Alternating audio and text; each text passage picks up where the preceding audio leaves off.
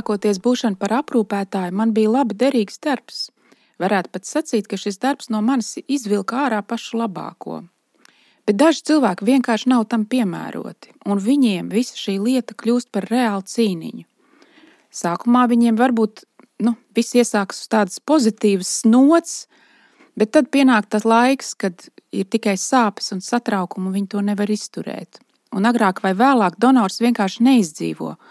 Lai gan iespējams tā ir tikai otrā donēšanas operācija, un neviens apkārt nav sagaidījis, ka būs kādas komplikācijas. Kad donors šādi pabeidz tā pēkšņi, tad vairs nav liels nozīmes, ko saka māsiņas.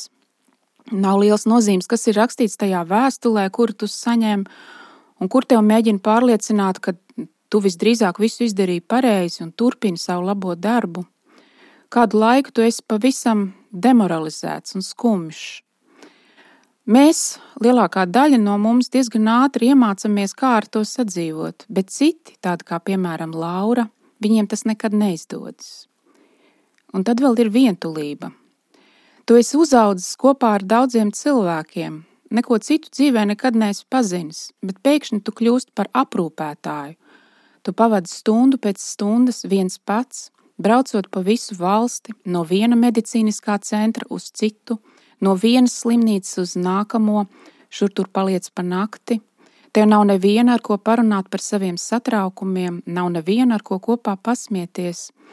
Šad un tad tu satiec studentu, kuru tu pazīsti, kurš ir kļuvis par aprūpētāju vai par donoru, un ar kuru tu savos senajos laikos biji labs draugs, bet jums nekad nepietiek laika. Jūs vienmēr steidzaties, vai arī tu esi pārāk noguris, lai varētu parunāties. Pavisam drīz šīs garās darba stundas, pārvietošanās, ceļošanās, saraustītais miegs ir tevi tik ļoti izmainījis, ka arī no ārpuses viss to redz pēc tavas gaitas, pēc tavas skatiena, pēc veida, kā tu kusties un runā. Negribu, atbe, negribu apgalvot, ka esmu kļuvusi imūna pret to visu, bet es esmu iemācījusies ar to sadzīvot. Daži aprūpētāji, viņu attieksmi vienkārši viņus nodod. Daudz no viņiem, tas ir labi redzams, vienkārši izpild savus pienākumus, un tas ir viss. Gaidot dienu, kad viņš saņems paziņojumu, ka tagad viņš šo darbu var pārtraukt un kļūt par donoriem.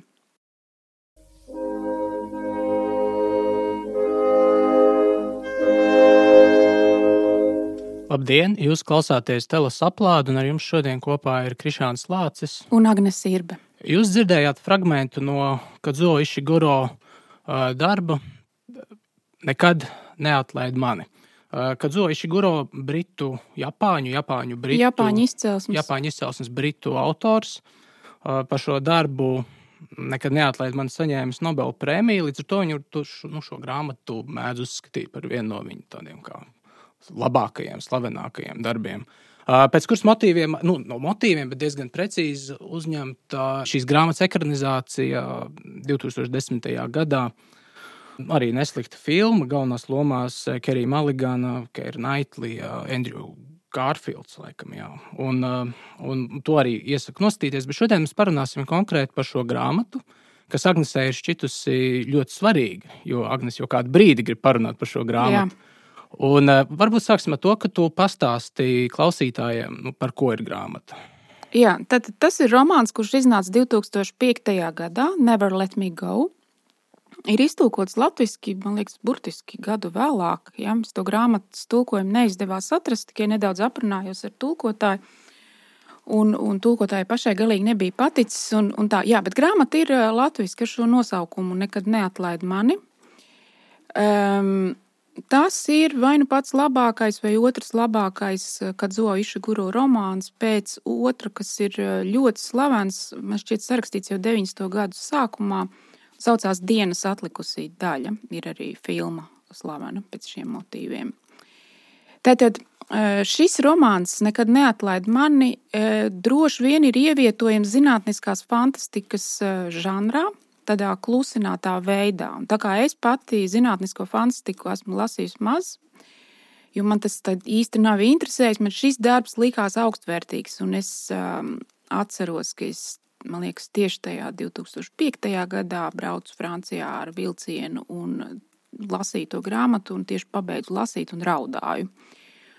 Jo man tas ļoti aizkustināja. Man liekas, ka tas ir ļoti spēcīgs, traģisks darbs, kurš it kā ļoti labi zināms jautājumus spēj uzdot jaunā veidā, ja, interesantā veidā. Drīz varbūt par žanru zinātniskā fantastika ar distopijas iezīmēm. Jā, ar distopijas iezīmēm. E, tieši tā. Tā romāna premisa ir tāda. Tā ir tā, tāda alternatīvā Eiropas un Rietumu pasaules vēsture. Ja? Bet tā ir iezī, iezīmēs tikai romāna fonā. Ja? To, tā, nav tā kā sīkā aprakstīta. Tā premisa ir tāda ka pēc otrā pasaules kara eh, ļoti strauji ir attīstījušās medicīniskās tehnoloģijas un ir izveidota un pilnveidota um, cilvēku klonēšanas prakse. Tā ir autorizēta un tā it kā notiek jau kopš 1950. gadiem. Romāna darbība notiek 1990. gados. Ja? Tad tā nav kaut kāda mistiska nākotne. Tas ir rakstīts par, par pagātni. Un um, klonēšanas prakse ir ļāvusi būtiski uzlabot eh, Lielbritānijas iedzīvotāju dzīves ilgumu, tas pārsniedz jau simts, eh, simts gadu vecumu. Tādā veidā, ka tiek tad, tad, nu, no, no, no tādiem veselīgiem cilvēkiem ja, tiek paņemtas tās viņu šūnas. No veselīgiem izveid... kloniem. Nē, no veselīgiem cilvēkiem ah. tiek paņemtas viņu jā, jā. šūnas, lai izveidotu šīs kopijas klonus. Kurus audzē e, visdrīzāk ja, kaut kādās zīdaiņu novietnēs kopā. Protams, viņiem nav vecāki, viņiem ir tikai aprūpētāji. Viņiem ir um, guardians, kas tas būtu, ja, apsargi, ja, uzraugi, uzraugi. uzraugi varbūt visdrīzāk. Viņi aug uh, savu veidu internātos. Un viņu tātad, tas dzīves uzdevums, tā ir jauna cilvēku šķira, uh, donori, ir uh, sasniegt pieaugušu gadu vecumu, 18, 20 Tad viņus apmāca no sākuma kļūt par citu donoru aprūpētājiem, kā mēs tikko dzirdējām tajā fragmentā. Tad, tad viņi iegūst tādu medicīnisko izglītību, arī viņi no sākuma aprūpē citus donorus. Un tad, kad viņi ir noguruši vai nu, izsīkuši no šī darba, kā tikko dzirdējām tajā fragmentā, tad, tad viņi saņem to pavēsti, ka tagad viņi kļūst par donoriem. Uh, Un tā donēšana notiek tā, ja tas viss ir tādā ļoti civilizēta, un tā tomēr ir nu, attīstīta zeme, ja labos apstākļos, klīnikās visā, valst, visā valstī.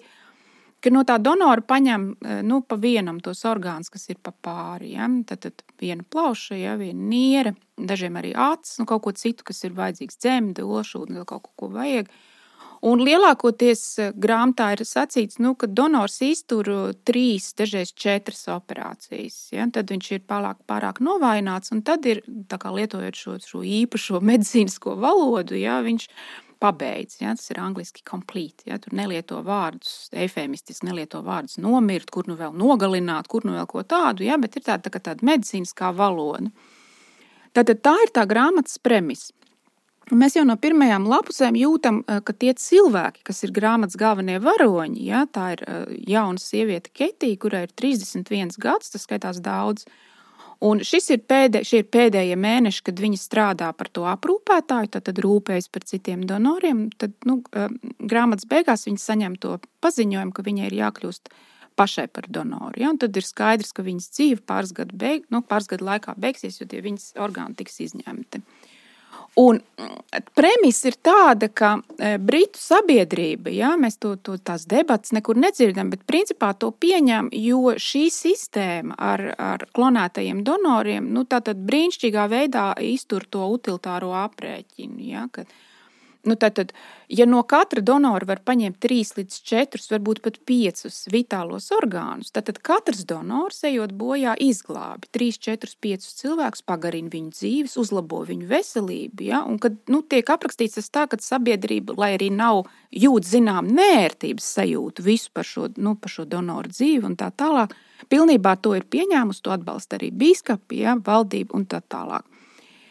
Tātad, tā ir tā grāmatas premisa. Bet īstenībā pati grāmata ir šīs eh, sievietes Ketijas, ja, klonētā bērna stāsts, savu veidu uh, memoāri, ja, ko viņa raksta. Varbūt pat varētu līdzināties dienas grāmatai, atceroties savus dzīves notikumus. Veidu, kā viņa ir uzaugusi vienā no šiem īpašajiem internātiem, kas izveidots donoriem, ja, kas saucās Heilšama.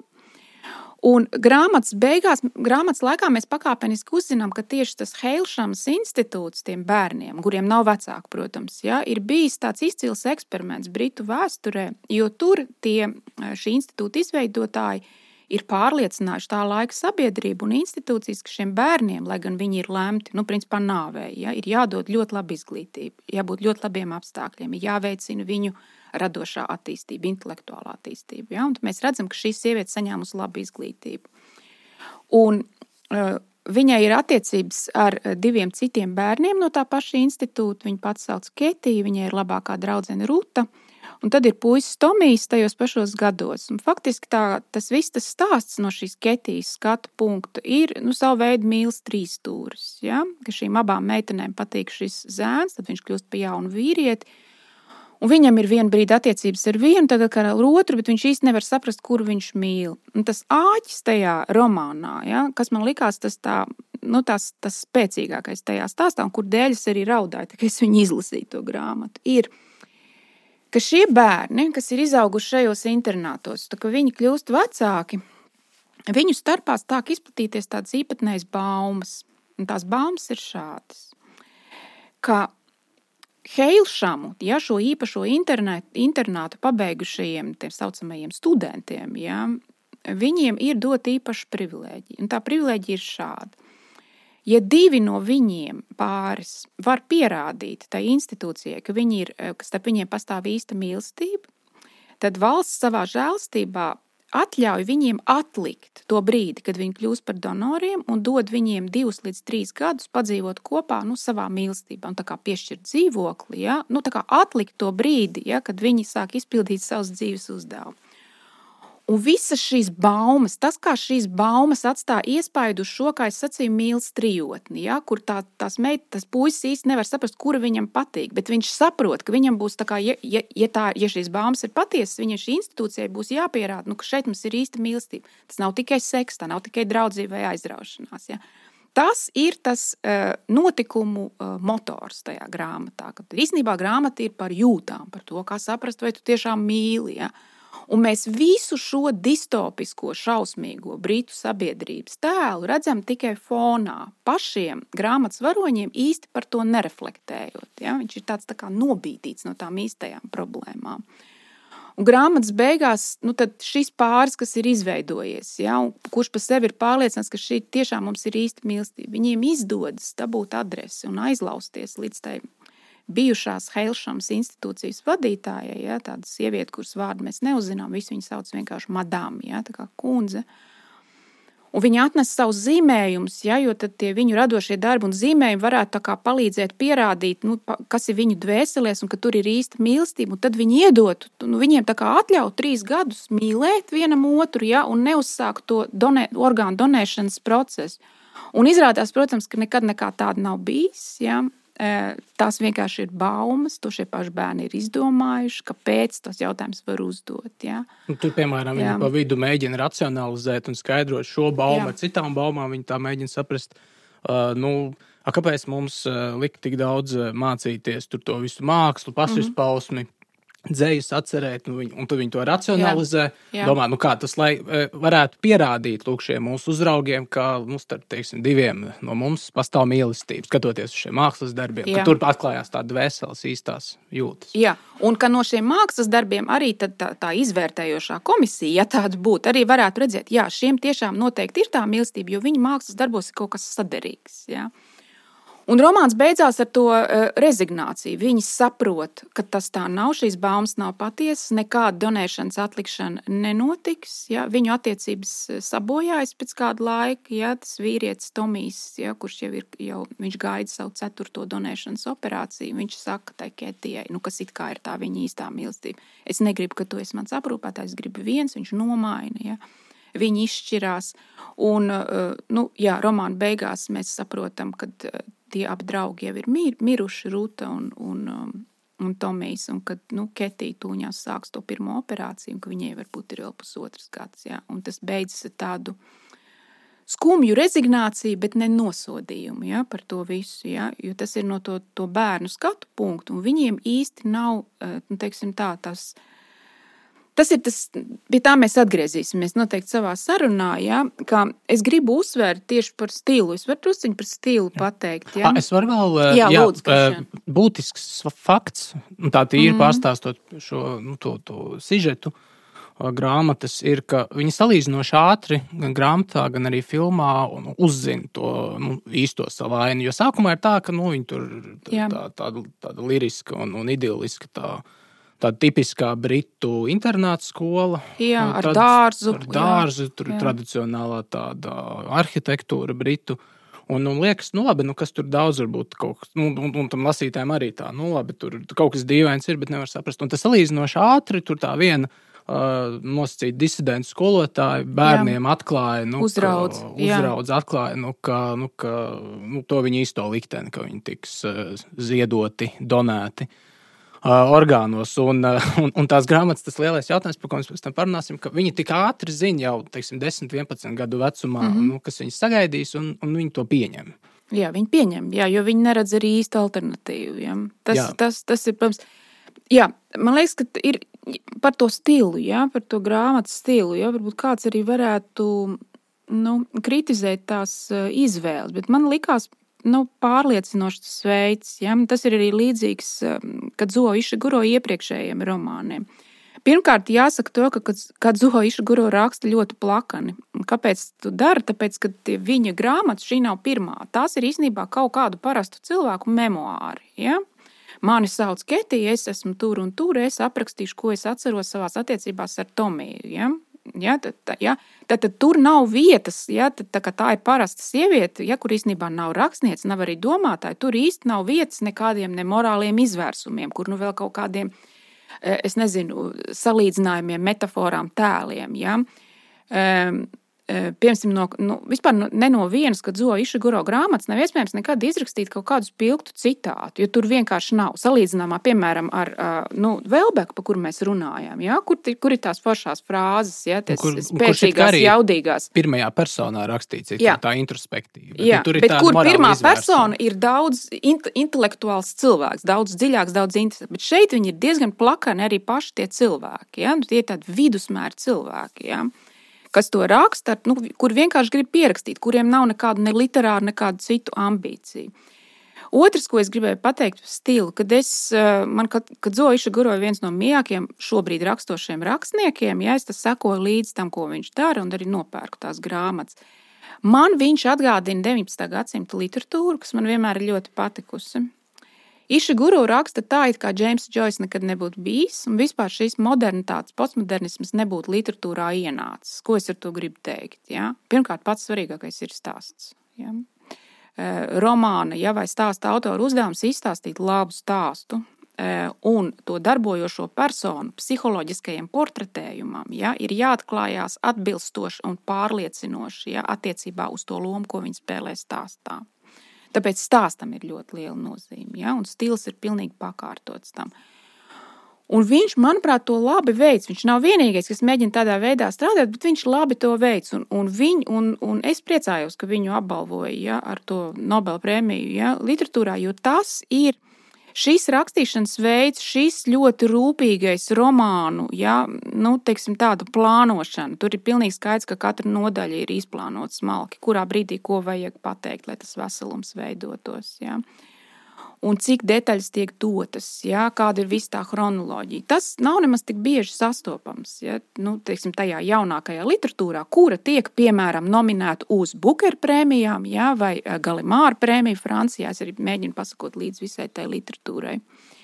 Tad, tad druskuļi tāds 19. gadsimta uh, stils, ja, kuram tātad, uh, izteiksmes veids ir pilnīgi pakārtots stāstu iedarbībai. Ja. Uh, Tas, tāpēc arī mēs par to runājam. Tas, kādus jautājumus mēs uzdodam šim tekstam, tas, kādi jautājumi mums rodas to izlasot par britiem, par vispār par medicīnas attīstību, par mīlestību, par bērnību, par nostalģiju, par atmiņām, par visu to. Uz šiem jautājumiem nekur tekstā nav atbildēts, nav nekāda citāta, kur varētu paņemt. Ja? Mēs viņus uzdodam tikai kā lasītāji. Un tas tur ir tas spēks. Šeit, paturpinot vēl par stilu, man liekas, grāmatā atšķirībā no 19. gadsimta tiešām ir. Nu, tur nav tā viena citāta, bet, piemēram, lasot lielos krievu autorus, Dostojevski, Tolstoja. Nu, tur tomēr būs, ka viens no personāžiem pēkšņi Jā. pauž paša autora pozīciju. Nu, tur kaut Jā. ko tur, tur it īpaši Vai Dostojevski. iedod gadījumā. atslēgu kaut kādu? Jā, jā iedod atslēgu, caur ko saprast visu pārējo. Nu, ka tur ir izstāstīts kaut kā tā paša autora uh, dziļi sirds izjusta pārliecība par to, kā, nu, kas ir, kā lietām vajadzētu būt, kaut kādas tur filozofiskās atziņas un tam līdzīgi. Bet uh, nu, šajā gadījumā tā īsti tā nav. vai ne? Nē, Tad- nē, nē, vispār nav. Tas, tāpēc arī viens no tiem lielajiem jautājumiem ir, um, kāpēc šie cilvēki, kas ir aprakstīti, ja, kā kloni, kā donori, um, kāpēc viņi nepratojas tam, kas ar viņiem tiek darīts? Jo apstākļi it kā būtu, kāpēc viņi nemeklē sabiedrotos. Ja? Un pati grāmata tad arī dod. It kā starp rindām tās atbildes. Nu, pirmkārt, viņi ir audzināti internātā. Viņi nekad neko citu nav redzējuši. Ja? Viņi, Viņiem tie internāta apsargi, ja, tās, tās uzraugi, ja, tās ir vienīgās autoritātes figūras. ne?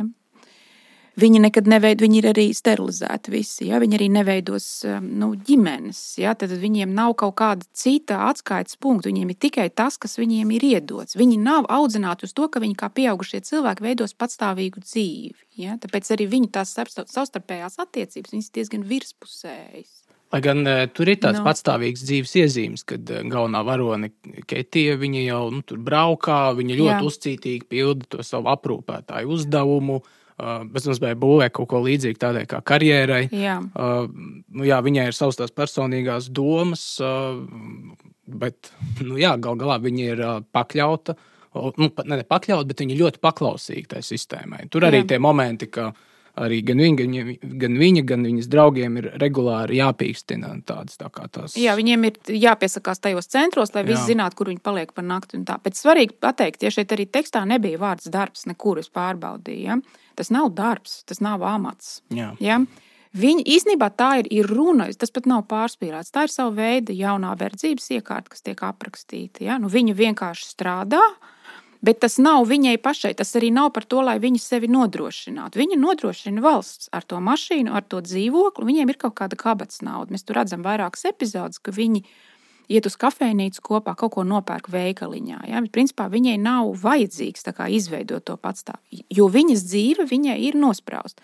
Viņa dažus gadus, ja desmit ne vairāk strādās par aprūpētāju, tad viņa saņems pavēsti, ka tagad sākās donēšana. un Tad viņu gatavos tai pirmai donēšanas operācijai, pēc kuras viņa visdrīz nu, viņa neatgriezīsies tajā darbā, jo cilvēks ir ļoti nu, nu, novājināts. Bet tu saprati, kāpēc eh, viņiem vispār ir vajadzīgs? Nu, kāpēc viņiem jāstrādā kā šiem aprūpētājiem? Jo no tās. Es eh, domāju, ka tas ir vienkārši ekonomiskais izdevīgums un nekas cits. Bet vai mm, Britu valdībai nebūtu bijis ekonomiski izdevīgāk nodarbināt nu, tiešām kaut kādus reālos sociālos aprūpētājus, kur tur uzraugas, Austrumēropas kaut kādi migranti un tam līdzīgi? Jo no tās sistēmas perspektīvas, kas tomēr, migranti, jā. kas tomēr mēģina būt humāna, tas šķiet īpaši perversi. Jā. Uh, ka viņiem ir jābūt, ka viņi noskatās, viņi uzrauga un skatās, uh, nu, ka donori uzrauga donors. Jā. Un man liekas, ka tas ir kaut kas jau nu, pāri, Aprūpē. pāri, pāri tam, nu, tam humanismam, ko tā sistēma mēģina uzturēt, to ilūziju. Bet Jā, kāpēc? jā nē, tev taisnība. Jā, tev taisnība. Bet arī jāatcerās, ir vairākas tās epizodes, sevišķi tajā sākumā, tad, kad ir runa par to Helšams internātu. Mēs visā romānā no tiem tā, saucam, tā sauktajiem normālajiem cilvēkiem, normal people, tā tas arī tiek pateikts, ja, kas nav ne carers, ne donors, ja, normal people, kuriem nav viss šis uzdevums, kas nav kloni. Viņi izjūt ļoti dziļu nērtības sajūtu šīs te vergu šķiras, īstenībā vergu šķiras priekšā. Ja? Atcerēsimies, ka madām baidās no viņiem. Viņi negrib pieskarties šiem cilvēkiem. Um, ir tāds, nu, kaut kādi tādi brīži, ka, kad, nu, ka kaut kur fonā ir tā debata, vai tie ir īsti cilvēki. Jā? Protams, ka tā ir falša debata. Protams, ka tie ir īsti cilvēki. Visi arī to zina, bet viņi ir ieinteresēti to noliegt. Jo, ja viņi atzītu, tie ir īsti cilvēki, pirmā mērā, pilnā mērā cilvēki, tad būtu skaidrs visiem acīm redzam, ka viņus nedrīkst šādi izmantot. Man liekas, tur arī plašāks spektrs ir no parastajiem cilvēkiem, nu, no, no normal people pret kloniem. Tur, nu, jā, tur ir tas, tā, tas neliels tāds riebums, Jā, jā, rezignācija, ā, nu, kaut kāda norobežošanās, bet nu, vienlaikus arī var redzēt, ka ā, cilvēks sirdsapziņa laužās uz āru, ir nu, žēlums. Jā. Viņi apzinās to. Nu, Kad viņi skatās uz klodiem, viņi jau ļoti labi zina šo klonu likteni, un viņi arī apzinās nu, sistēmu, kas upurē klonus it kā labākas nākotnes un nu, citu cilvēku veselības vārdā. Bet nu, nu, vienlaikus viņi nu, nezinu, šķiet kaut kāds tāds kā iekšējs nosodījums, kas tomēr nepaceļās līdz nezinu, politiskai pozīcijai. Jā, nepaceļās līdz po politiskai pozīcijai. Jā. Tā ir tā tumšā puse, ja, ka sabiedrība kaut kādā mērā jūt, ka tas nav pareizi un tā nedrīkstētu darīt, bet tas tā ir izveidojies un ir šie ļoti spēcīgie argumenti, utilitārie argumenti. Ja, tiek glābtas dzīvības. Nu kā, vai tad jūs esat pret? Ja? Rekur, tad taču vajag, te ir rinda, vajag sirdis, vajag aknas, nu, kur tad mēs viņus dabūsim? Ja, viņiem, ja viņi nedabūs no kaut kurienes, viņi taču nomirs, vai ne? Tas man arī likās interesanti, jo šie, šie argumenti, utilitārie argumenti, ja, viņi tik plaši tiek izspēlēti arī šī brīža aktuālajās bioētikas eh, debatēs. Ja, īsti vispār bieži vien nepajautājot, nu, vai tas tā filozofiskā sistēma, ētiskā sistēma vispār ir pieņemama, ja, vai viņi turās uz kājām, vai vispār tā drīkstētu par to domāt. Bet romānā var redzēt, ka tā tomēr nu, nav tāda fragmentāra, nu, kaut kāda salasīta no gabaliem filozofiska sistēma, kas ir nu, pamatā Jā. tam, tam mm. uh, utilitāriem modelim. Tā ir diezgan rūpīgi pārdomāta, uh, it īpaši nu, arī tuvāk sākumam, kad ir dažādas uh, runas nu, no, no pasniedzēja, no uzrauga, arī no tās madām puses, eh, tajā internāta skolā. Uh, nu, redzēt, ka viņas pauž tādu izteiktu britu apgaismības filozofiju. To tikpat ah, jā, labi. Jā. Uh, tas ir tāds kā uh, Hjūma, uh, Hjūma un Francisa Bēkona Mikslis, drīzāk pat Francis Bēkons, atceramies šis filozofs, kurš kritizē Aristotelu.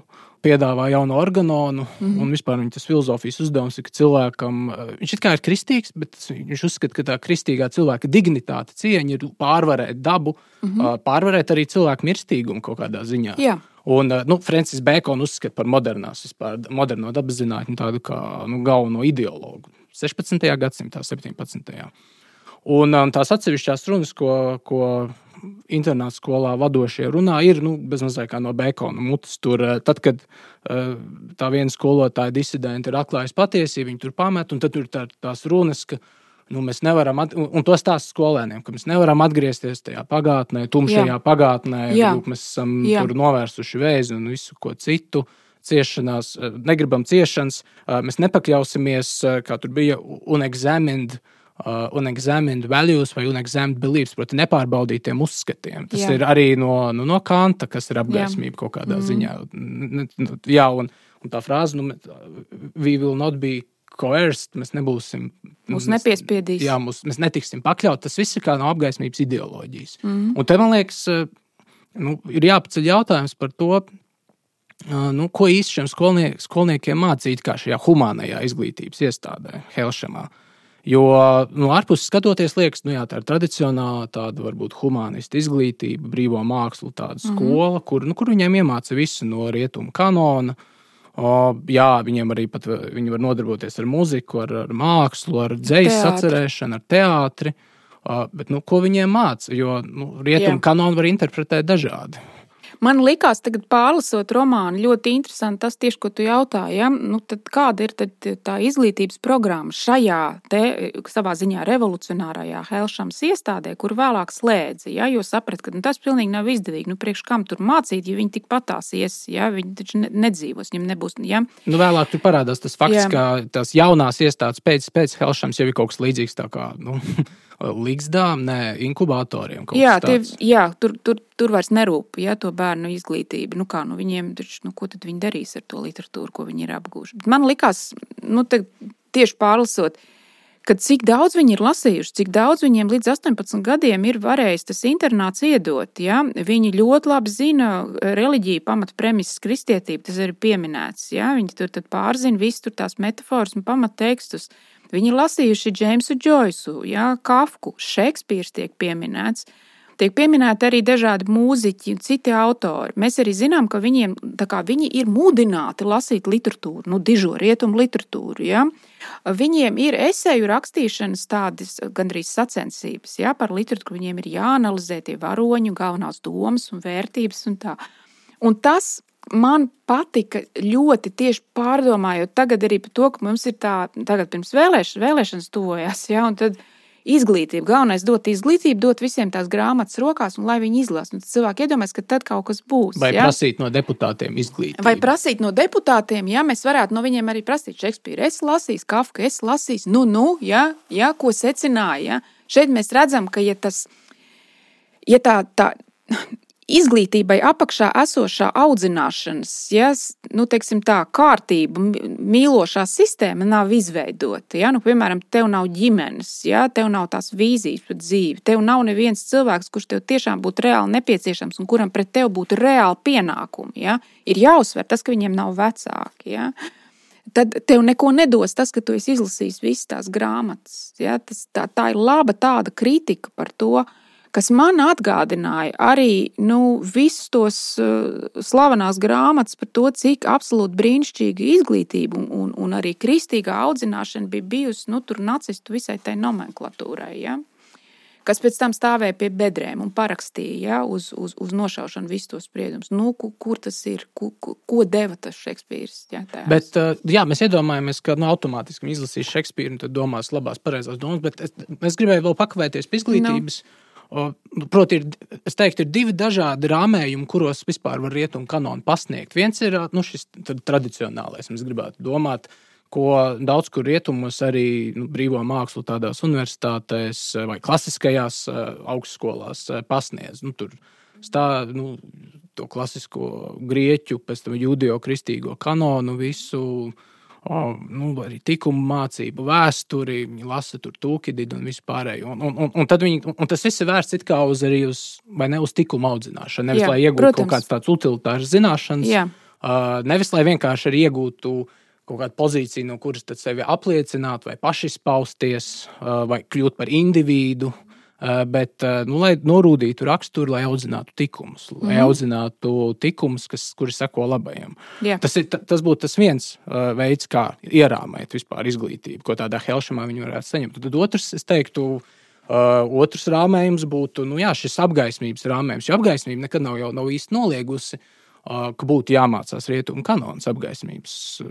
nu, tāda, arī daudzās britu skolās Uh, viņi to visu mācīs, bet tas viss ir nu, teiktu, tādā hegeliskā griezumā pasniegts kā uh, arvien, lielāk, arvien lielāks cilvēka gara mēģinājums izlausties uz āru, pašapliecināties, būt arvien brīvākam, emancipējoties. Proti, viņi visu rietumu idejas vēsturi, idejisko vēsturi nu, stāstīs un ir, būs uzbūvējuši tā, nu, ka tas ir stāsts par, par pēc iespējas lielāku cilvēku emancipāciju. Mm -hmm. Un, nu, tas arī ir sasniegts šajā pasaulē, nu, ka vismaz viena lieta, ko, nu, ko cilvēkiem ir šajā distopiskajā Britānijā nav jāuztraucās. Viņiem nav jāuztraucās nu, par to, ka viņi tur 70, 80 gados nomirs. Viņiem dots vēl 40 gadi. Jā, jo viņiem, no, jā, jo viņiem, ja kāds, ja kāds orgāns ir teiksim, nolietojies, ja viņi nomaina. Ja? Un tāpēc es reizēm arī uz, lasot grāmatu, uz pašu Keitiju skatījos kā tādu, nu jā, viņi ir šis apgaismības it kā brīvais indivīds. Labi, viņi ir paklausīgi, viņi pilda pienākumu, jo viņi zina, ka tas ir augstāka labuma vārdā. Mēs palīdzam citiem cilvēkiem, mēs pašuzupurējamies, mēs ziedojam. Bet nu, tas ir, nu, viņi ir izglītoti, acīm redzot, šajā otrā paradigmā, ko es aprakstīju, nu, kas ir tāda kā pēc iespējas indivīds. Un tur viņas tās visas iekšējās pārdomas, labi, jā, tur nav tas, tas filozofiskais, nu, kā teiksim, Velbekam, iekšējie monologi, bet nu, tu, tur var redzēt, ka viņi ir, tā, ir izglītoti tomēr.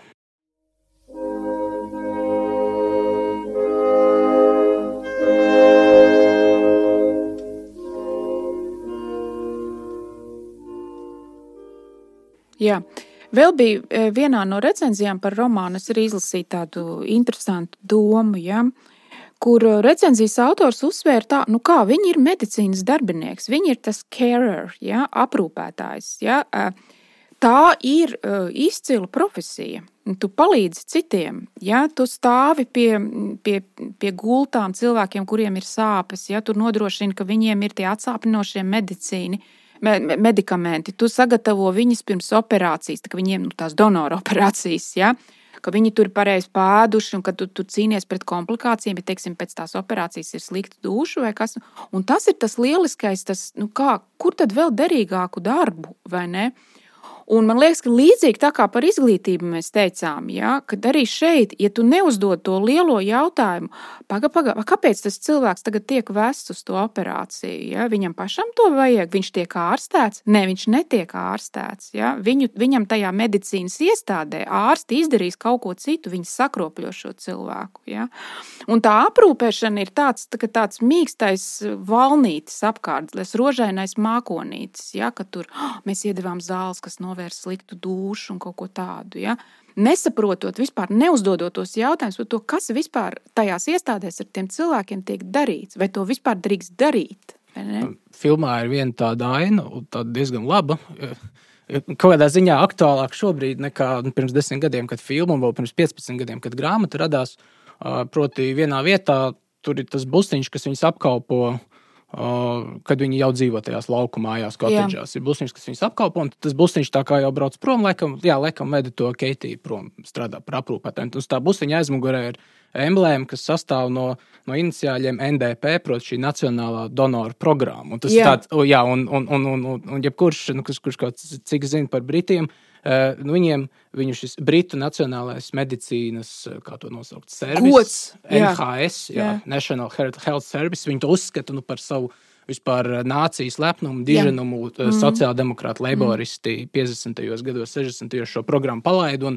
Un, nu, joprojām ļoti daudz Lielbritānijā uzskata nu, par tādu dižāko tiešām sociāldemokrātijas sasniegumu. Un, un tur ļoti labi, nu, gan filmā, gan arī grāmatā ir parādīta tā saspēle starp nu, to idyllisko lauku, angļu lauku ainavu, tradicionālajām institūcijām, tur skolu arhitektūru un to tādu distopiski brutālo uh, britu medicīnas sistēmu, kas ir tiešām vērsta uz labumu, vērsta uz aprūpi, uz dzīvības paildzināšanu. Uh, iekārtos tādās brutālas stila arhitektūras mājās, uh, un, nu, nu, jā, nu, nu, nu, kas tad ir kļuvis par nezinu, vienu no centrālajām institūcijām sabiedrībā. Un debate par Brexit, starp citu, arī bija uh, ļoti lielā mērā debate par NHS, no cik daudz naudas mēs iegūsim vai zaudēsim mm. nu, priekš mūsu šī dižā veselības pakalpojumu. Jā. Man, um, nu, mēs varbūt negribam tik ļoti to romānu pievilkt tādai aktualitātei, ja, bet um, nu, es arī uzsvērtu, tāpatās kā tu, ka kopš tās, nu, tā laika tika sarakstīts, ja, nu, līdz šodienai viņš ir, protams, kļuvis nu, vēl asāks, ja, kaut kādā ziņā arī pravietisks. Es tajā veidā, kā tiek runāts par to donoru aprūpi, vispār pats vārds donors jau ir, nu, tas ir devējs, vai ne? Tas jautājums, vai viņš labprātīgi dod, nu, tas tāds jautājums, tāds, nu, tāds nepatīkams jautājums, ja? Devējs, un tad ir aprūpētājs, ja? Un tad ir tie saņēmēji, ja? Un ir viss tas um, tā vīzija par to, Es, protams, tajā valodā, kas tiek lietota, nu, redzu ļoti daudz paralēlus ar šobrīd arī Lielbritānijā un visur taču, nu, aktuālo ja, eitanāzijas un asistētās pašnāvības, ja, visu to nu, to atmosfēru, ja, kur ir līdzīga. Pašnāvība pati kā efemisms. Pati kā efemisms, eitanāzija, labā nāve, pati kā efemisms, ja, tam, kas īstenībā nu, tiek darīts. Un kas, nu, tas ir tas rozā mākonīts, kas, ir, kas īstenībā tiek darīts, un kā tie cilvēki tiek nogalināti, un to veic ārsti. E, un tad nu, uzreiz ja, tiek teikts, jā, pagaidzi, pabeigšu. Un tad uzreiz teiks, nē, nē, nē. Jā, nu tā tehniski sanāk, ka viņi tiek nogalināti, nu viņiem iešķircina nāvējošas zāles, nu visdrīzāk. Ja? Bet viņi paši ir izvēlējušies, tāpēc tā īsti nav nogalināšana. Ja? Un, tu, un tad sāk tā, tā vērpties ap tiem dažādiem jēdzieniem, ja? ka tā pati lietas būtība atslīd tādā dibenplānā. Un tas man likās ļoti līdzīgi ar visu šo donoru jautājumu. Jā, nē, es tagad runāju, un sāku ar vien vairāk saslēgt grāmatu ar šodienu. Sāk nākt No. Nu, visu pēdējo gadu arī skandāli saistībā ar National Health Service Anglijā. Un, nu, viens no pēdējiem skandāliem, nu, pēdējiem, nezinu, pirms diviem, trīs vai četriem gadiem bija tāds, ka to vienu mazo zēnu vecāku, vienu mazo zēnu atslēdz Elfī. no. Jā, atslēdz no veselības uzturēšanas sistēmas faktiski. Pretēji pret... vecāku vēlmei. Jā, jā. Un, un tur, protams, arī tajā britu publicistikā, The Guardian, arī, kas ir nu, tie nezinu, progress un nu, un apgaismības priekšstāvu Britu publicistikā. Nu, tas viss tiek ietērpts tādos efēmismos un tādā nomierinošajā, anestezējošajā tonī, nu, kāds figurē arī grāmatā. Jā. Un... Nomierinošā, anestezējošā uh, tonī un arī tādā gandrīz pat līksmā, ja? jo kā nu, mēs piedalāmies progresā, bet jūs neredzat, sabiedrība paliek labāka, ciešana ir mazāka. Ja? Nu? Jā, nu, jā, un, mm. nu, jā, mēs vēl pārnāsim par bioētiku, bet no, no tām, tām lielajām tēmām grāmatā, kas man arī gan grāmatā, gan arī filmā, ir acīs ir īpaši šobrīd notiekošā Lielbritānijā fona, proti, uh, prinča Čārlza kronēšanas un uz karalienes aiziešanas fona.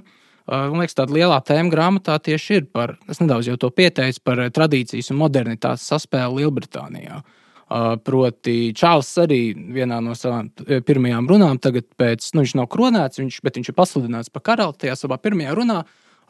Gan viņš, gan arī dažādi apskatnieki uzsver to, nu, cik Lielbritānija ir unikāla, nu, ka mēs tik labi spējam tiešām savietot šos divus pretpolus vienā sabiedrībā, vienā valstī, proti, tradīciju modernitāti. Un arī jaunais karalis uh, par to runāju. Un, un visi zina, ka viņš pats ir diezgan liels tradicionālists. Nu, viņš iestājās par tradicionālu arhitektūru, par uh, tradicionālo mazo lauksaimniecību. Viņš pats ir ļoti daudz, viņš, viņš lasījis uh, perenniālistu filozofus, tādu, tādu filozofu skolu 20. gadsimta, nu, kur ļoti kritizē modernitāti. Uh, Un, eh, bet, nu, stājoties amatā, viņš pats ir spiests atzīt, nu, ka mēs Lielbritānijā mums ir šīs mūsu stabilās institūcijas, mums ir monarhija, bet no otras puses mums ir lūk, NHS, mums ir tur top zinātnieki, mēs nodarbojamies arī ar, ar gēnu, nu, jā, kā to angļuiski sauc, gene editing, gēnu pārrakstīšanu, jā. gēnu rediģēšanu. Gēnu rediģēšanu jā, un, un, un, un tas viss sadzīvo vienā valstī. Jo, teiksim, citur tādā Latvijā vai nu, pusē pusē Eiropas. Nu, skaidrs, ka šis lielais,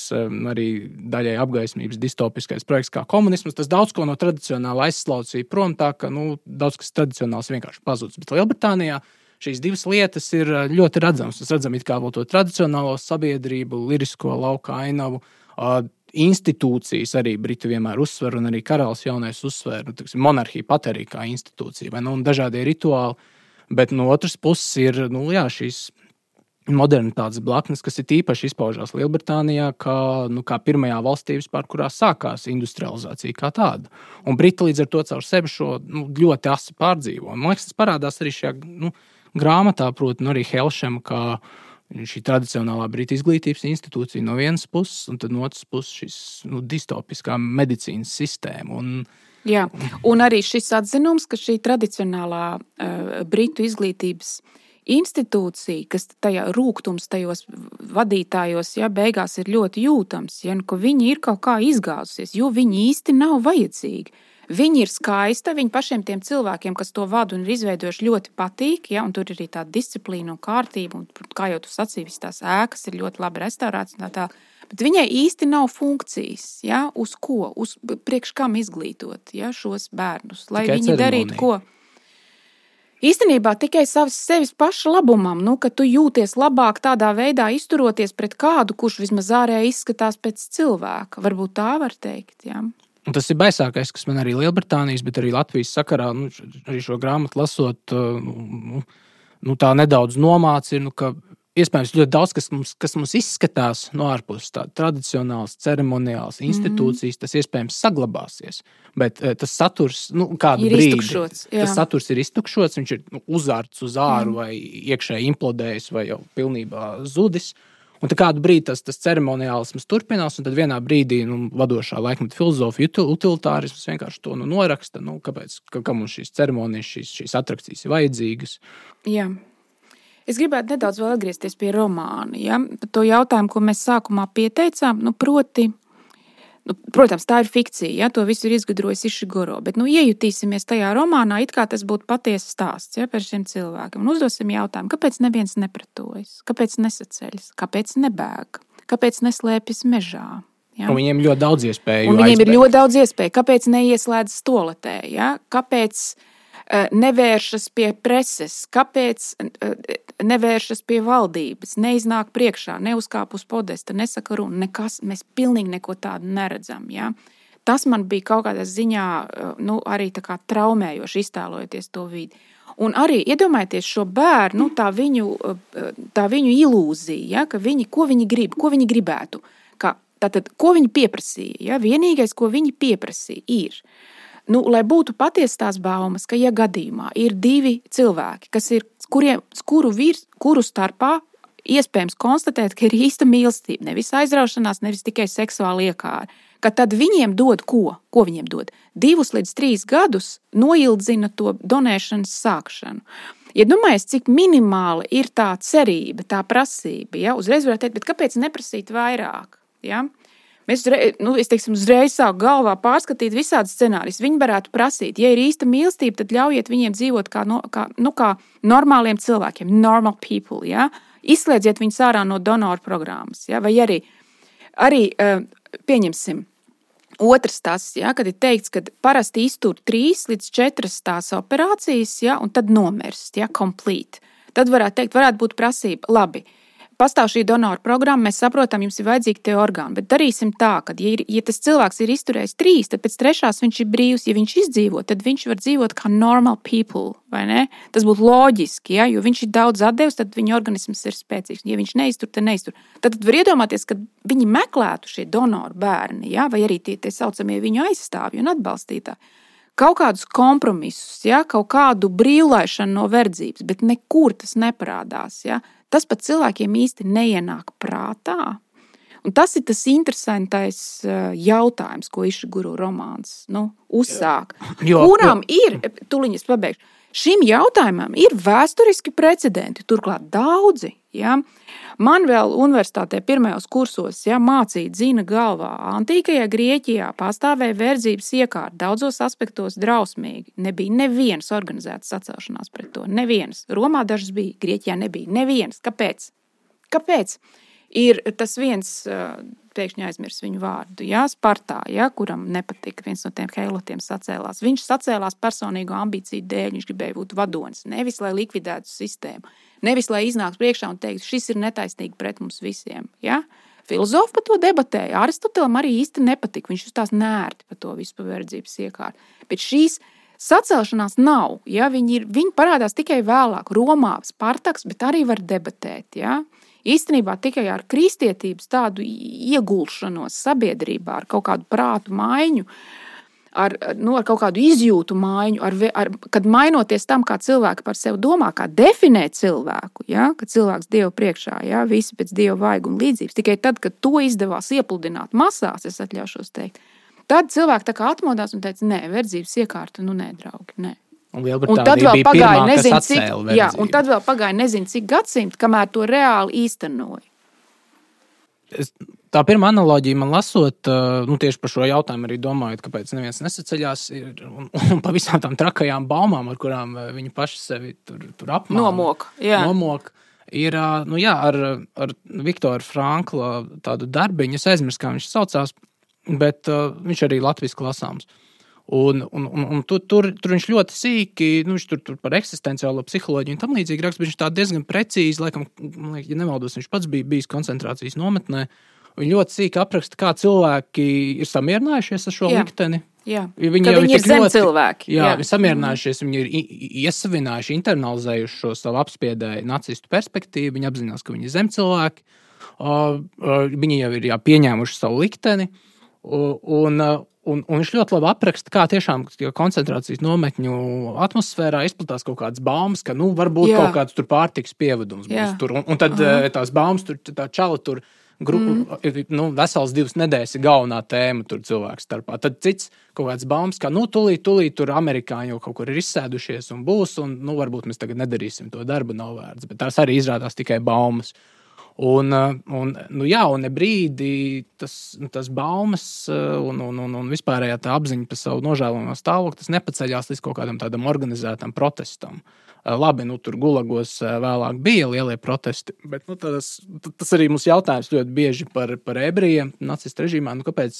kāpēc Pašaus geto bija sacēšanās. Ir, da, ir daži ir, piemēri. Ir, jā, jā. Jā. Mm. Bet ļoti bieži. Uh, ebreji, kuri dzīvo Izrēlā, nu, vai kas tajā brīdī bija Palestīna, vai kā viņi sauc. Ļoti bieži tiem ebrejiem, kur atgriezās no Eiropas, nu, jautā, nu, kāpēc jūs samierinājāties ar to, kāpēc jūs nesacēlāties. Un, un, nu, jā, un tas, tas redzot, norādes, nezinu, nu, par ko arī šīs grāmatas sakarā runā kaut kāds cilvēks stāvoklis.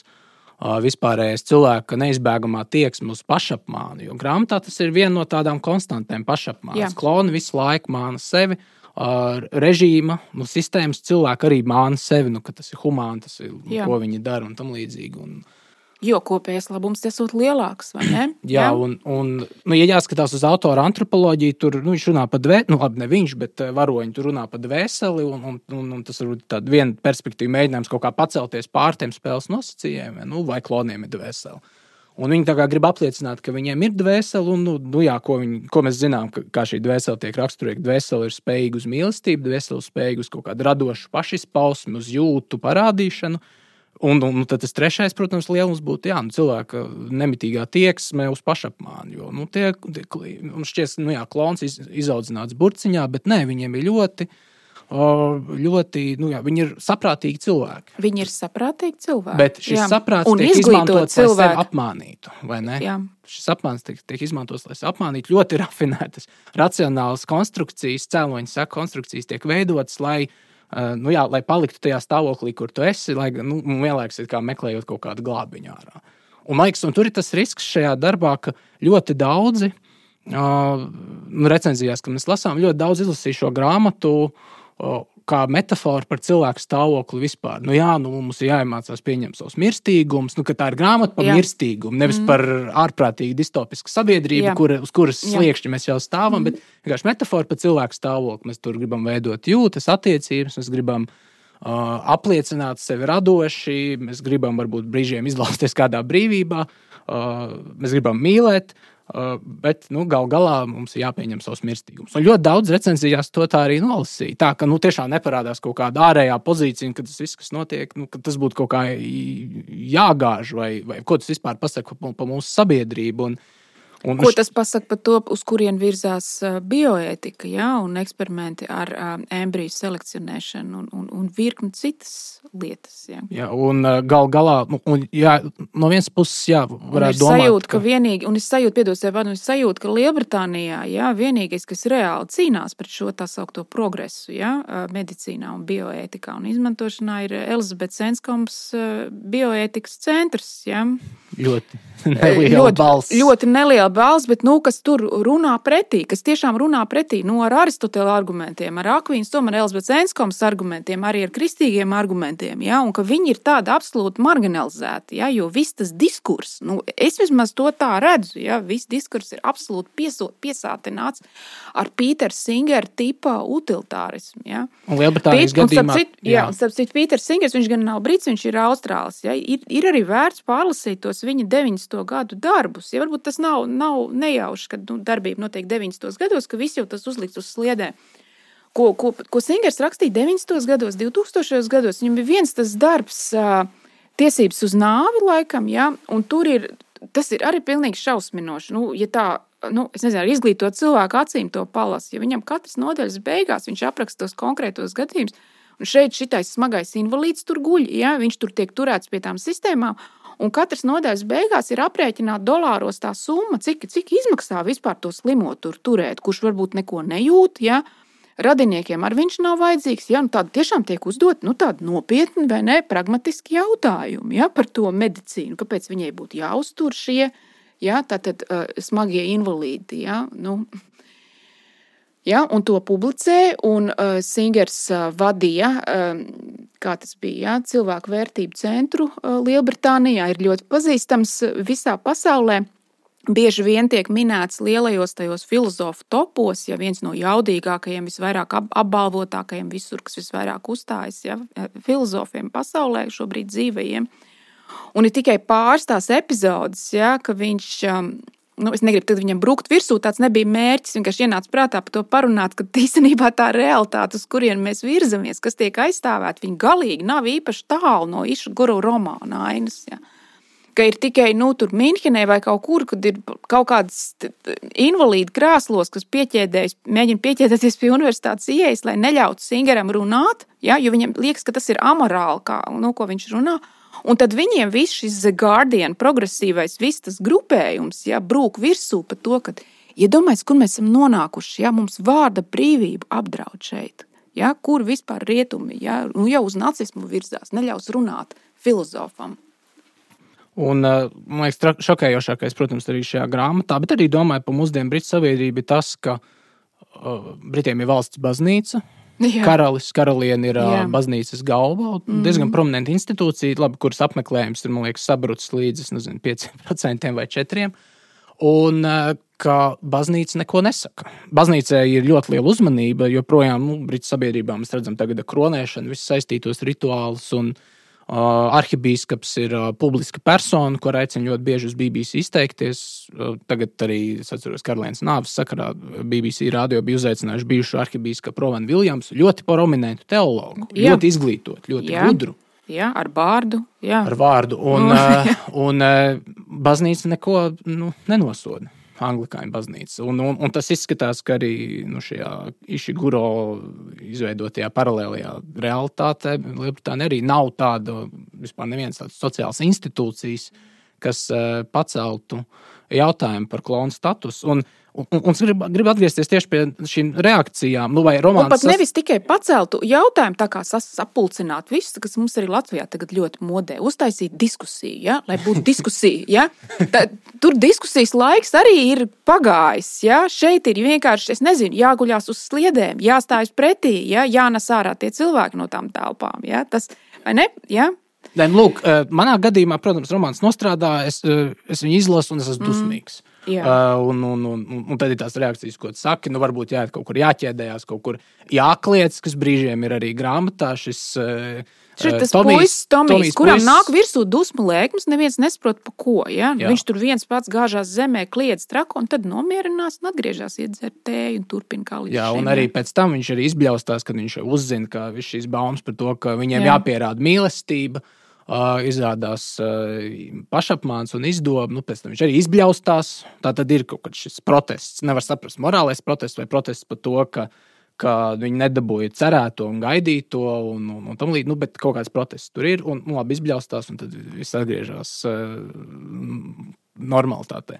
Bet, nu, tas ir mans jautājums, par, vai Išiguro izdevās sasniegt uh, to, ko viņš bija nodomājis nu, ar šo grāmatu. Jo tiešām recenzijās nu, mēs te runājām, un, un ļoti bieži izstāsta, ka recenzijās, uh, un tas ir tavs teikums, tie recenzenti paši ir iemācījušies domāt klonu kategorijās. Jā, Proti, viņi, es tā teiktu, uh, jā. jā, ka viņi Nu, Protams, tajās klonu kategorijās, kā ļoti viltīgi nu, Išiguro tās ir savērps kopā. Kā, kā, tas, tāpēc romāns kaut kādā ziņā ir labs, ka nu, tu lasi, kā viens klons domā pats par sevi.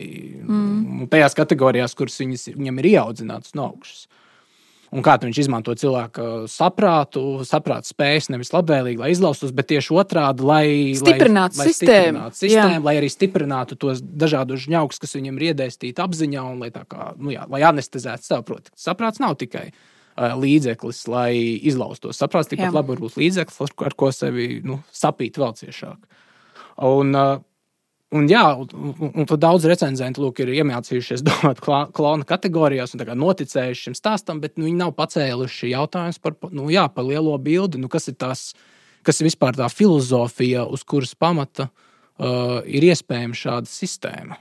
Mm. Uz kuras pamata ir iespējama donēšanas sistēma, kas ir utilitārisms. utilitārisms Uh, es atceros, dažās recenzijās es redzēju, nu, ka nu, šī grāmata paceļ tēmu par to, ka kloni tiek diskriminēti. Un es nezinu, varbūt tas ir mūsdienās ir īpaši uz uh, nu, globālā taisnīguma, dažādu kustību. Viņa varbūt tā būtu viena iespēja un izredz nu, kaut kā pacelt jautājumu par taisnīgumu. Bet uh, sociālā taisnīguma karēji un arī gan Black Lives Matter kustība un tam līdzīgi tā. Uh, no vienas puses, jā, viņiem ir šis morālais protests, kaut kāda cilvēka iedzimta nu jā, arī taisnīguma apziņa vai ne. Bet no otras puses, tas rāmējums, kurā viņi strādā, joprojām ir šis apgaismības, utilitāri, liberāli, individuālais skatījums, kurā ietvaros taisnīgums tiek pavērsts, nu, šī taisnīguma ziņa vai morālais protests tiek pavērsts tikai tādā nu, emotīvā virzienā. Jā. Pašizpausmes virzienā. Es gribu pašizpausties. Jā. Šis klons, Keitija, arī viņa grib būt pati. Uh, Un, un, un viņa negrib, lai nu, varbūt šo darbu izlasītu tā, nu, ka viņai vajadzēja kaut kā izlausties un tur būt brīvai un būt pašai, bet nu, tas jau neatceļ un negāž visu sistēmu. Jā, man arī zina, kas likās interesanti tagad pārlasot. Tur ir ļoti glīti, nu, tā skaisti un aktuāli paķerta um, seksuālā izglītība, ievēroja visas tās pasāžas. Tātad romāna tajā, nu, kas ir fikcija, ja, tajos ietvaros, ka, ko internātā bērniem uh, māca, ja, šiem kloniem, ja, jo viņi sasniedz arī nu, dzimumbriedumu, ja, viņiem māca tā. Uh, jums bērni nevar būt, ja nav babies, ja, jo viņi laikam jau nu, tiek sterilizēti uzreiz pēc dzimšanas. Jums bērni ne, nedrīkst būt, bet seksuālas attiecības ir ļoti nozīmīgas. Kāpēc? Tāpēc, ka veselīgas.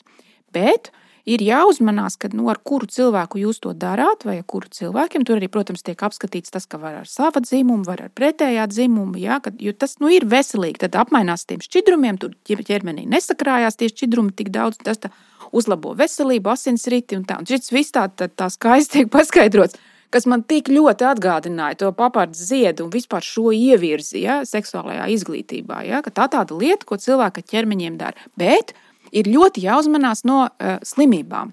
Un vispār tā neslimošana arī ir viena skaista tēma romānā, ja, ka viņiem ir kategoriski aizliegts smēķēt, tur ir bārgākie sodi, jo tad tu bojā tos orgānus, kurus taču vajadzēs donēt pēc tam. Ja? Un tad, tad, tad to seksu redz, ka tas uzlabo veselību, tad plusiņš labi. Un tiek arī skaidrots, tiem klonu bērniem, ja, ka tā kā jums nebūs bērnīši, jums tur arī nebūs tādas lielas, ne tādas skaistlības, ne pieķeršanās dzīvē, ja, jo, jo nu kā, nu, jūs neveidosiet ģimenes, jums tas nebūs, jūs sāksiet to, to visu. Un tā viņi ir audzināti, viņi īstenībā ir audzināti tādas īstas noturīgas mīlestības izpratnes nu, prombūtnē, ja, viņiem nav tā. Un interesanti tajā romānā ir tas, ka, lai gan viņi ir indoktrinēti noteiktā veidā, Viņi meklē to, ko es sauktu par cilvēku iedabas noteiktos, nu, varbūt var teikt, arhetipus, pamatlabumus, labāk teikt. Ja? Pirmkārt, viņiem nekad nav bijuši vecāki, viņi nezina, kas ir ģimene. Viņi meklē vecāku figūru. To nu, mēs nu, visu laiku redzam. Īsto to, nu, kas, jā, viņi meklē gan to īsto modeli, jā, jā. gan arī mēģina ar tiem uzraugiem, madām vai tiem apsargiem kaut ko tādu veidot. Jā. Viņi, viņi meklē arī pieaugušu būdam vecāku figūru. Nevarēs no cilvēka tik viegli izdzēst, vai ne? Jā, to tēvu māti. Un otrs, viņiem ir pilnīgi tukšs tas mīlestības jēdziens, bet iedomājieties, viņi izplata šīs baumas par īsto mīlestību. Viņi vispār nezina, kas tas ir. Ja? Un tas ir arī tādā, tā, tā, tāda vīzija par to, ja? ka kaut kur tas nospiedums cilvēka dabā ir. Izglītība ir darbojusies pret to ar indoktrināciju, bet tu nevari no cilvēka izdzēst. Ja? Viņam tā, tā mīlestības tas tēls, tāds kaut kāds, kas ir kaut kur arī aplams, kaut kur sentimentāls, bet kurš neatkāpjas, ja, kā cilvēka vajadzība. Ja. Un pat arī iedomājieties, viņš ir pilnīgi nepragmatisks. Ja. Vēlreiz. Ko viņi pieprasa, uz ko viņi cer? Kad iedos divus, trīs gadus, lai ar mīļoto cilvēku nodzīvot kopā kaut kur dzīvoklī vai kādā mājā, bet ko tas dos? Kas būs pēc tam? Pieķersies viens otram, un tad abi, tikpat kļūs par donoriem. Kāpēc tikai divi, trīs gadi? Ja? Ka, nu, iedomājies, tu pat nav loģikas tajā prasībā, bet tā, tās īstās mīlestības, tas starojums ja, uz tiem bērniem, kur izglītībā nav to ieguvuši, ja, viņš ir ļoti spēcīgs. Tas padara viņu ļoti aizkustinošu. Nu, man ja, ļoti aizkustinošu to romānu. Ja, nu, jā. tas ir. Tur, tu, nu, kad, Pat ja tu teiksim, pilnīgi deformētu to cilvēku sabiedrību, nevarēs pilnīgi izmīdīt laukā ja, to, nu, kas ir cilvēks, ja, kas ir dzīve, ar ko mēs atšķiramies no dzīvniekiem. Jā, nu, tas arī parādās, ka viņiem tomēr ir kaut kādi šie morālo jūtu vai morālo pārmetumu, tāda aizmetņi. Ir aizmetņi, ir tāda nedaudz pārdomas, nu, vai tā vajadzētu. Un, un, un, un kāpēc. Un, protams, viņi arī mēģina atvairīt to, to nāvi vai paildzināt savu dzīvi. Tā skaitā arī cilvēki, kur darbojās šis, šīs sistēmas vārdā, jau iepriekš runājām, viņi arī apzinās, ka kaut kas tiek darīts nepareizi. Jā. Tā kā nu, pat, pat dziļi distopiskos režīmos, arī kādi bijuši nezinu, Padomju Savienībai, varbūt.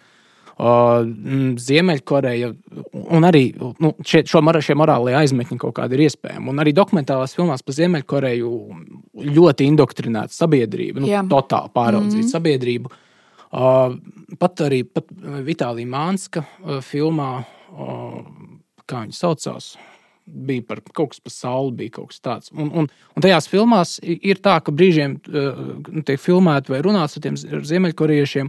Un viņos parādās kaut kāds tas iekšējais, var, var just, ka ir kaut kāda iekšējā dimensija viņos, kura saceļās par mm. to mhm. visu notiekošo. Mm. Bet tā ir tik ļoti apspiesta, tik ļoti anestezēta, uh, sanitizēta šajās sanitārajos režīmos, ka, nu, jā, ka, nu, ka tāda neuzdrošinās kaut kā izlausties uz ārā. Bet to iekšā var just. Nu, ka, ka cilvēks kaut kā šajā iekšējā, iekšējībā uh, mēģina um, domāt citādāk, mēģina protestēt.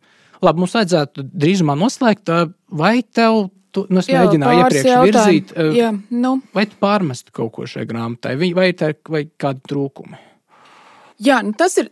Kā, man šķiet, ka, ka romāns to savu spēku iegūst no, no ļoti veiksmīgi izveidota stāsta un no ļoti veiksmīgi izvēlētas, izveidotas tās zinātniskās fantastikas premises, kas viņam ir uzbūvēta. Ja?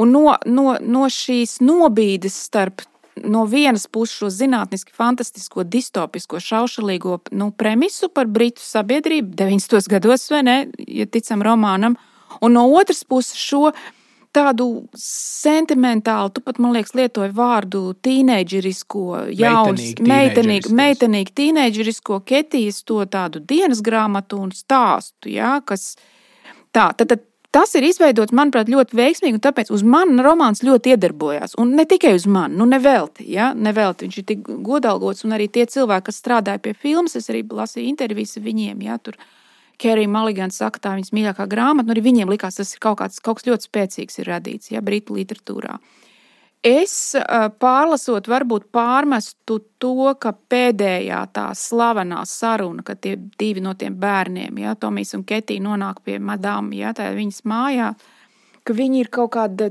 saraustīti, nesaprotami. Ja viņi atbrauc ar vienu jautājumu, bet tur izvēršas kaut kāda tur, tur vairāk stundu garumā, kaut kāda notikuma, kur kaut kas tiek runāts, bet arī tur ierodas cits cilvēks, tur bīdīts mēbeles, tur kaut kā tā man tas ir īsti nu, kaut kā nepārliecināja. Un es pat teiktu, ka šī aina filmā ir skaidrāka un labāka. Es pat atļautos tā teikt. Tur ir ļoti skaidrs, kur viņi ierodas, ko viņi tur satiek. Viens ir ratiņkrāslā, viena tā sieviete no tām bijušajām institūta vadītājiem. Viņi saņem ļoti skaidru atbildi. Tomijs klusē, un, un, un Ketija sāk bez skaņas raudāt. Ja? Nu, pat, ja domās, pat ne, neuzdrošinās ne kliegt, ne raudāt. Vienkārši cilvēks sēž viņam asars. Tad viņi saprot, mums tā audience ir beigusies, viņi pieceļās, iet prom. Tur filmā tas bija ļoti spēcīgi. Ja domās, ka pat tajā situācijā tu neprotestē ja? nu, pret tiem Nu, un, un es to liekas, varbūt pārmestu. Jā, jā. Tad, tad man bija svarīgi, piedodas, es saprotu, ka Iša Guro ir bijis ļoti, ļoti svarīgi nesentimentalizēt un nemoralizēt. Ja? Ļaut tam romānam pašam strādāt, pilnīgi nekā, neko neielikt tur tādu. Ja? Tā kā neielikt no Iša Guro puses, to es esmu sašuts par to, kas te notiek. Tas tur pilnīgi nav, viņš ir pilnīgi kā, distancējies no tā. Bet, um, Jā, bet ir kaut kādas ainas, kur tas nelīdz galam uh, nu, nostrādā. Vēl man likās interesanti, jo tu sākumā teici, vēlreiz atkārtoši, ja, ka tas stilistiskās plakanības dēļ Išiguro romāni ir romāni, par kuriem tu daudz domā, bet nepārlasi. Es joprojām domāju par to dienas atlikusī daļu. Es domāju, man liekas, tā, tā ir arī ļoti svarīga grāmata, īstenībā par līdzīgu tēmu bet tu viņu nepārlasi, jo viņam, tu zini, ka tajā tekstā tu neko neatradīsi. Ja? Viņš tā, tā premisa uz tevi darbojas, tas stāsts, ja? kas nogulsnēs tevī pēc tam, kad tu esi izlasījis. Pretēji, piemēram, Flobēram, ko es pārlasu katru gadu, ja, viņš ir stilistiski ļoti spēcīgs. Katra tā detaļa ir ļoti iedarbīga. Ja, teksts ir ļoti skaists, teikumi ir brīnišķīgi būvēti. Ja, tā. jā. Nu jā, es nezinu, varbūt tiešām esmu pārāk moralizējošs. Tas ir tieši pat ja ir ļoti veiksmīgs tas mākslinieckais uzstādījums, un šajā grāmatā tas ir, protams, es gribētu, lai tur tomēr būtu bijis. Nu, man, man vajag, lai kādā brīdī parādās tā morālā balss, kaut kāds, nezinu, tiek Jā. nojaukta ceturtā siena vai Jā. ceturtā siena, un tad nu, pēkšņi kaut kāda glābiņa iespēja. Pat ja neizmantota, tā parādās, un tad visiem uh, lasītājiem, mākslas darbu patērētājiem kļūst skaidrs, ka ja būtu, ja varoņi būtu gājuši šo ceļu, tad viņi būtu izglābušies. Un, un, Un, piemēram, Velbeka darbos tas ir. Atcerieties, Velbeka darbos tas ļoti noturīgi. Ka, Uh, un tas varbūt arī ļoti bieži vairo Velbeka darbu traģiskumu, ka ir skaidrs, ka varoņi varēja glābties. Jā, uh, bet ir izējas durvis. Ir izējas durvis, bet mm. uh, viņi to ceļu negāja. Un, bet nu, š, nu, šajā izšķiguro darbā ir tā, nu, ka nav, nav izējas. Un, un, un, un, un skaidrs, ka tas ir mākslinieciski uzbūvēts tā, lai uh, Nu, labi, lai, lai nebūtu dažāds... drūms un tumšs romāns. Nu, jā, jā. Lai tad vairot to sašutumu, kaut kādu iekšējo kliedzienu, dažādas interpretācijas, kas, protams, ir svarīgi labiem mākslas darbiem. Bet nu, man svarīgi, lai būtu tā, ja ir tik liels tas. Morālais protests, ja ir skaidra tā premisa, kur tiešām tas galvenais jautājums ir bioētika un tas, kur mēs ejam ar visu utilitārismu un to, ko mēs esam uzbūvējuši un ko mēs gribam uzbūvēt nākotnē, tiešām pārvarēt mirstību, būvēt kaut kādu transhumanistu paradīzi un tam līdzīgi. Tā ir skaidri nolasām šī darba premisa, tad man liekas, ka nu, būtu jābūt kaut kādam risinājumam, kā tikt ar to galā. Nu, tā kā vismaz norādītam kaut kā netieši darbā starp līnijām, bet nu, tur ir tas uh, nav exit, nav izējas. Sartra slavenais arī darba nosaukums nav izējas, tas, tas eksistenciālais kaut kāds izmisums, un nu, autors paļaujas, ka, ka lasītāji dažādas reakcijas, nu, ka, nu, ka viņi paši sapratīs. Un es nezinu. Varbūt tā ir, varbūt tā ir labi, tas ir autora paša ziņā, bet nu, nu, es teiktu, tā ir zaudēta iespēja. Jo tas morālais protests no darba diezgan liels, bet nu, ko darīt? Jā. Ne, nu es viņu drīzāk, es drīzāk darbu redzēju kā spoguli. Ja? Mēs jau uzsvērām vairākus tos, um, ja? ka it kā būt par aprūpētāju, būt par kopēju ir labi. Jā, bet kādā sistēmā vai ne? Uh, iegūt labu izglītību ir svarīgi un labi, jā, bet ar kādu mērķi, kādā sistēmā. Ja? Un vēl man nu, pārlasot, tad, tad es redzu tajā kaut kādu netiešo kritiku arī par sevi, protams, par mūsu sabiedrību, kur, nu, protams, nav šādā distopijā. Ja? Piemēram, tas. Um, tā romāna sentimentalitāte, ja? nu, kas mums ar tevi ļoti nepatīk. Un es šeit vēl kaut kā vēlreiz gribētu to pasvītrot. Ja? Uh, Nu, ar ko Ketija dzīvo? Dzīves, viņai tuvojas dzīves beigas, viņai būs pirmā donēšanas operācija, un iespējams viņa nomirs jau pēc pirmās. Katrā ziņā būs sakropļota. Ko viņa domā? Ja? Par savām sajūtām, jūtām, jā. atmiņām. Jā. Viņa atcerās, viņa atcerās, kāda viņai bija kastīte ar, ar, ar dārgumiņiem savāktiem kaut kādām tādām maziņām, ja Heišams tajā internātā, un viņai bija mīļākā kasete, kur bija mīļākā dziesma. Tad viņai tur bija no, no draudzenēm kaut kādas mantiņas. Viņa atcerās savus zīmējumus, viņa atcerās, kā viņi tur gāja, tur pa to celiņu, un tur bija tas eh, rabarbera auga vienā pusē. Ja? Viņa atcerās Tomiju, bet Tomijs jau ir mīris, nu, teiksim tā godīgi, nogalināts. Ja? Viņa atcerās, viņa atcerās savu draugu Rūtu, ka tā tomēr bija spēcīga personība, ja arī neviennozīmīga. Īstenībā labi ir nu, dažādi uzzīmēti. Ja, tie. Viņa arī ir mirusi, teiksim, godīgi nogalināta, ja, bet tas vispār netiek nu, uzdots. Ir tikai šī nostalģija par to, kas kādreiz bija šī, šī bērnība ar šiem labākajiem draugiem un tā. Bet, nu, kāpēc šobrīd es esmu tur, kur es esmu, ja? un ko, kas būtu varējis notikt citādi, tas netiek jautāts. Un es tad izjūtu vēlreiz pret to meitenīgo sentimentalitāti, nu, tādu to iekšējo sašutumu un sacelšanos. Ja? Nedzīvojiet šādi, ja? nu, kaut kā mm. neiet pa šo ceļu, ja? ka tu vienkārši caur tām jūtām un to jūtināšanos meklē, tu aizbāz to caurumu, kur tev būtu jājauto, kas es esmu, ko es daru, uz ko es varu cerēt, ja? kas šis viss ir. Jā, un sentimentālisms un arī ar, kas ved pie arvien lielākas subjektīvismas, arvien lielākas introspekcijas, iekšējības, nu, kas arī gal galā savāņo cilvēku un neļauj viņam kaut kā izlausties uz ārā, pacelties pār sevi. Lai gan arī pat, ja mīlestība piedāvā šo transcendences iespēju pārvarēt to savu pašreizējo stāvokli, tas tik un tā tiek uh, reciklēts, pārveidots, pārstrādāts šajā nu, sentimentālismā. Uh, tas, ko tu teici, man tas lika padomāt par daudzajām uh, tādām kā dabas metaforām un līdzībām, kuras Keita izmanto darbā. Un tagad es secinu, ka jā, tas ir nevis kaut kas dziļš, tas ir sentimentāls. Arī pat kā darbs noslēdzās, viņi tur salīdzina tur to lauku un tur kaut kas koks stāv. Un, Un tad viņi skatās, un žoks, un žoks uz kura uh, dažādi tur tie atkritumi sakrājušies, un tad viņi atkal atcerās, lūk, šie atkritumi, vai tik tie nav tur fragmenti no manas dzīves, manām atmiņām par, par Tomiju un tam līdzīgi. Tad es tur ceru, ka viņš tur parādīsies kaut kur pāri laukam. Nu, tas ir sentimentāli. Tā, tā ir sentimentāla līdzība. Mēs izmantojam ārējus tēlus, lai atkal sevi anestezētu un ieejātu caur šo tādu jūtīgumu, sajūtīgumu.